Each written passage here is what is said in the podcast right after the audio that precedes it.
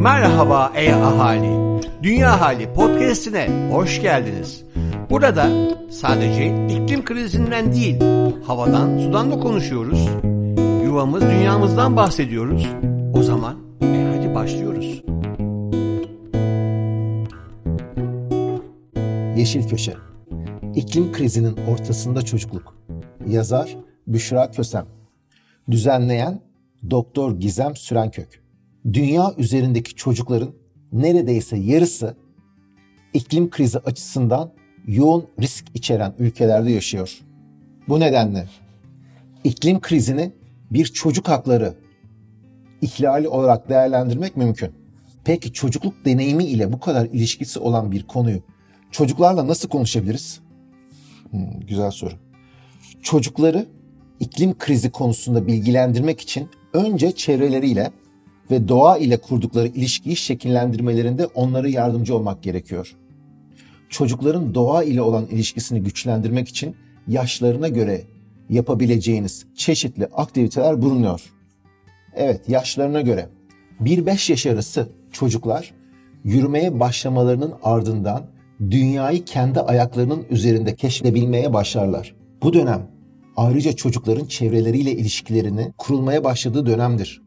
Çocukların bu meraklı ve keşfetmeye açık dönemleri doğa ile tanıştırmaları için mükemmel bir zamandır. Çocuğunuz ile doğada yürüyüşlere çıkabilir, hava durumu ve bunun çevreye etkileri üzerine konuşabilirsiniz.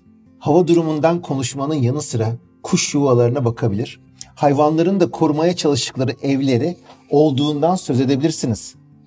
Meyve ve sebzelerin tohumlarını tekrardan toprakla buluşturmakla çocukların doğayı kavrama sürecine destekleyici bir etkide bulunabilir. Mutfağınıza birkaç kabı toprak ile doldurarak çocuğunuzla minik bahçenizi oluşturabilirsiniz.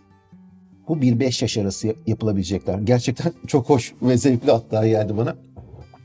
6-12 yaş. Bu yaş aralığında çocuklar iklim değişikliğinin altında yatan temel konseptleri anlayabilirler.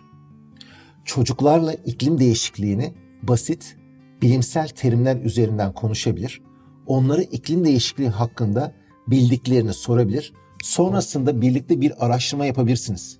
Kişisel seçimlerimizin doğayı nasıl etkileyebileceği üzerine fikirlerinizi konuşabilir, doğaya minnettarlığımızı göstermek için karar verirken nelere dikkat etmemiz gerektiğini düşündüklerini sorabilirsiniz. Ayrıca ailenizin karbon ayak izini hesaplayarak bunu daha aza indirmek için neler yapabileceğinizi planlayabilirsiniz. Örneğin hayvan endüstrisinin iklim krizine ve doğaya olumsuz etkilerinin olması sonucunda daha bitki temelli bir beslenme planı oluşturabilirsiniz. Bu gerçekten bazılarımız için zor olacak. Ama yapmamız gereken ve öğretmemiz gereken yaş grubu burada yine 6-12 yaş aralığı. Şimdi yeni yaş grubu 13-18 yaş. Bu yaş aralığında iklim değişikliği ve iklim krizi konusunda çok daha yoğun bir farkındalıkla karşılaşabiliyoruz. İklim krizinin ekonomik ve sosyal etkilerinden bu dönemde bahsedebilirsiniz.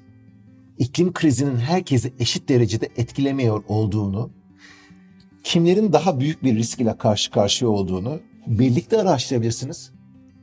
En önemlisi de iklim krizi karşısında fırsat eşitliği yaratılabilmesi için neler yapabileceğinizi birlikte konuşabilirsiniz. Bu arada ben gerçekten bayıldım bu üç tane yaş grubuna ayrılmış ve her yaş grubuyla nasıl e, konuşabileceğimiz bu çocuk ve gençlerle nasıl konuşabileceğimizi çok sade ve net bir şekilde e, anlatılmış. Ben gerçekten burada hem Büşra'ya hem de Gizem hocama çok teşekkür ediyorum. Çok güzel bir yazı.